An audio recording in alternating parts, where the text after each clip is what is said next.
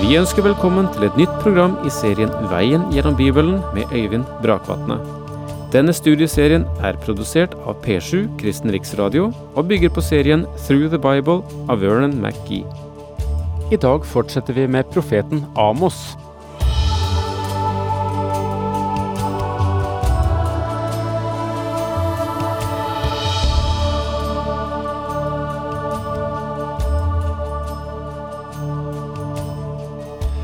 Vi startet eh, på Amos-boken siste gang, og som vanlig så begynner vi med en introduksjon og gir en bakgrunn for boken. Og vi, vi kommer eh, et stykke inn i forfatterens liv, og det håper jeg du får forsterket etter hvert som vi går gjennom teksten, men la meg fortsette eh, introduksjonen i dag. Se for deg Amos. Han kommer klampende med store sko inn i kongens kapell i Betel. Det er i Nordriket. Han er sendt av Herren selv fra Sydriket, fra ørkenen, og det lukter sau overalt der han går, for han er en sauegjeter fra Tekoa, fra ørkenen, og der han ikke har behøvd å egentlig ta hensyn til noen, og heller ikke derfor har lært seg den diplomatiske taktikk.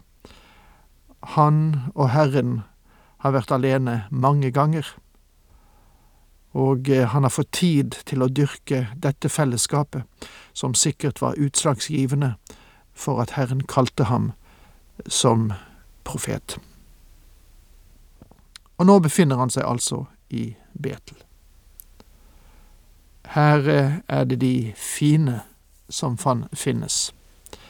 Det var byfolket, de velkledde, velrenommerte, velutdannede, og likevel så likegyldige, så lukket for det som var og burde være de grunnleggende prioriteringer i livet. Og i denne sirkelen bryter Amos inn. Og Amos er helt annerledes. Da Amos først dukket opp, så stirret folk på ham. Men de var overbærende, selvfølgelig, og smilte til ham. Verken hans kappe eller sandaler var siste skrik, men var helt forblåst og falmet av ørkenvinden. Alle var pinlig berørt, unntatt Amos. Amos var ikke flau i det hele tatt. Og han må ha skapt litt av en røre. Han hadde forlatt ørkenen og var nå kommet til bulevarden. Han hadde lagt bak seg ørkensanden, og nå marsjerte han inn på mosaikkene. Han hadde holdt til sammen med de langhårede sauene i ørkenen det meste av sitt liv. Nå var han sammen med de velfriserte i Betel. Han hadde forlatt jorden, og nå var han kommet til kulturen. Jeg tror at nesten alle kom for å høre ham til å begynne med. De sa, Vi tror ikke han kan tale. De kom av nysgjerrighet og sa, Vi tviler på at denne karen har noe budskap i det hele tatt. De kom for fornøyelsens skyld, men de gikk i vrede. Han var en sensasjonell forkynner for hans prekener var ikke klipt og skåret i likhet med hoffpredikantenes. Men i dag har vi ingen omtale av de liberale prekener i hans samtid, men vi har sannelig de prekener og de profetier tilbake som Amos sto fram og forkynte. Amos forkynte Guds ord. Mange mennesker kjente seg beveget, og noen vendte seg til Gud, men han forstyrret og irriterte de liberale elementer. Den organiserte religionen i Betel, baaldyrkelsen og tilbedelsen av gullkalven, smeltet sammen. De hadde en ekumenisk felles forståelse, så de, de hadde det samme programmet. Amos sto midt i denne organiserte religionen som konspirerte mot ham for å tyste ham og drive ham ut av byen og noen av de ledende ekumeniske ledere kalte sammen til møte. De ønsket å fjerne Amos. De ønsket å ta bort støtten de tidligere hadde gitt. De sa til ham at han ville miste sin pensjon om han ikke forandret sitt budskap.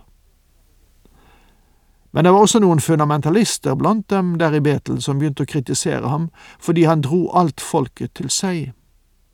De forsøkte å underminere hans tjeneste, men Gud velsignet ham, og Amos ville ikke inngå noe kompromiss, men fortsatte å forkynne Guds ord. De trommet sammen et massemøte av alle religionene i Betel, og møtet hadde følgende motto Bort med Amos, bort med Amos. Og det uunngåelige hendte på dette møtet at de utpekte en komité, og formannen for den var Amasha, som skulle gå og tale Amos til rette. Amasha var en prest som hadde drevet inn i avgudsdyrkelsen. Amasha var som en politisk medløper i religiøs drakt. Han var velpolert, velutdannet, stolt, vitenskapelig dannet, og han var from og et klassisk eksempel på en blanding av helgen og narr. Kløktig og smart utviklet Amasha en rekke sjakktrekk. Han gikk til Jeroboam den annen og forgiftet hans sinn mot Amos. Han dro for å få støtte av kongen fordi han trodde at kirke og stat, religion og politikk burde høre sammen. Hør nå hva som hendte. Amasha, presten i Betel, sendte bud til Jeroboam, Israels konge, med disse ord. Amos har fått i stand en sammensvergelse mot deg, midt i Israel. Landet kan ikke lenger holde ut alle de ord han taler, for Amos har sagt, Jeroboam skal dø for sverd, og israelittene skal føres bort som fanger fra sitt land. Slik står det i Amos 7, vers 10-11. La meg spørre dere, mine venner, var det det Amos sa? Nei, det hadde han ikke sagt.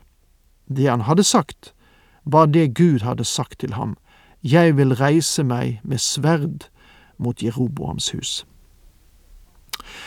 Følger du denne skildringen videre, så vil du se at Amos' uttalelse og ordbruk var eksakt, og det er smertelig at Jeroboam den annen ikke trodde Amos fordi hans barnebarn ble senere drept med sverd, og slik endte denne kongelige linje.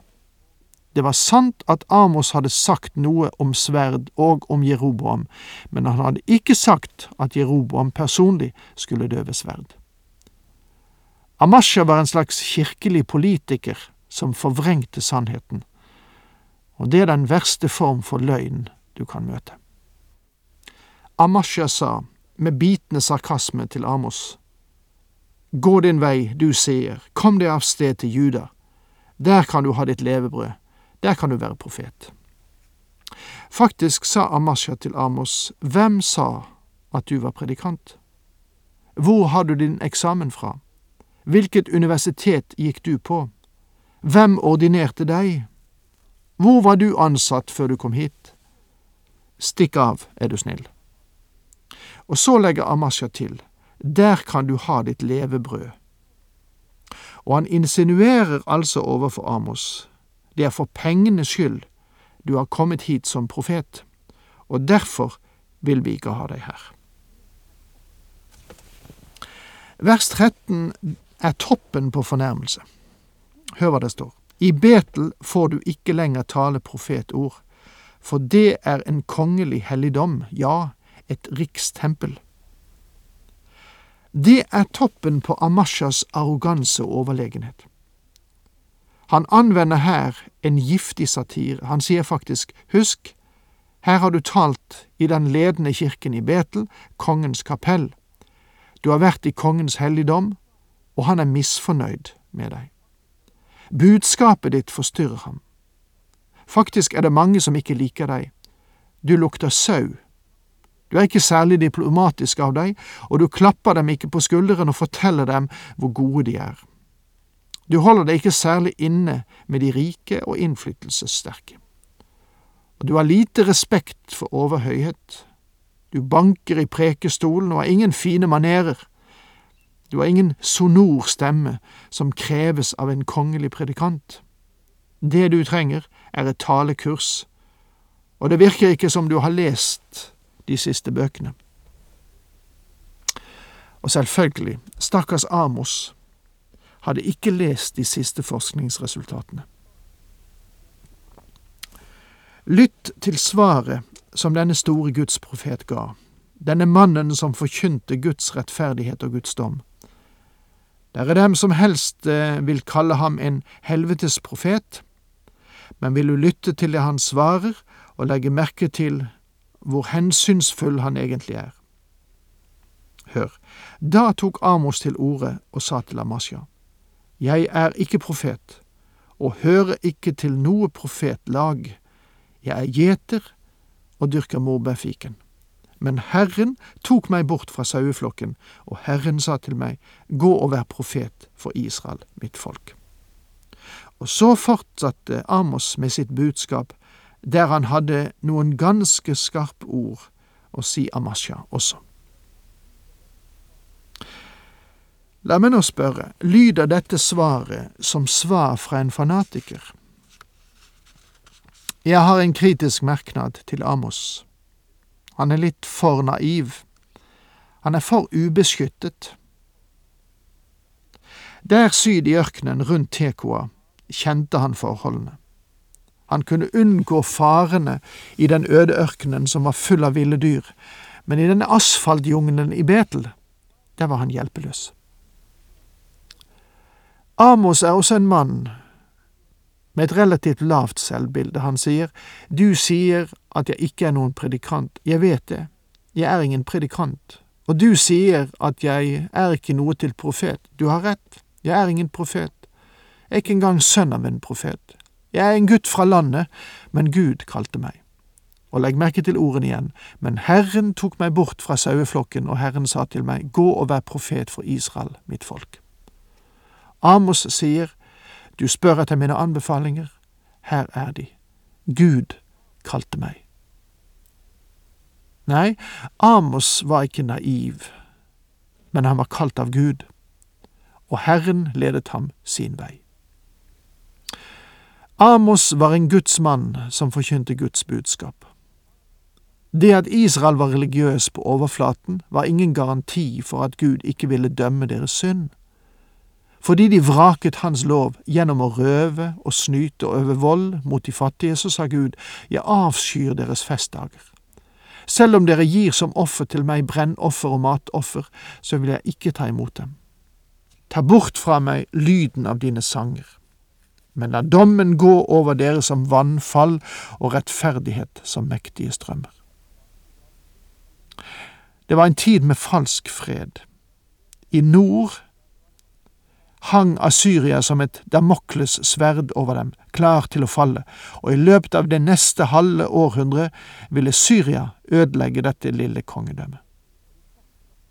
Israel prøvde å overse det, og de fortsatte å tale om fred. Men Amos sa, Se, Herrens øyne er festet på dette syndens rike, og jeg vil utslette det fra jordens overflate. Og naturlig nok var ikke dette budskapet populært. Han advarte dem og sa at Gud hadde til hensikt å straffe dem for deres synd. Og med det må jeg si takk for nå, Herren med deg.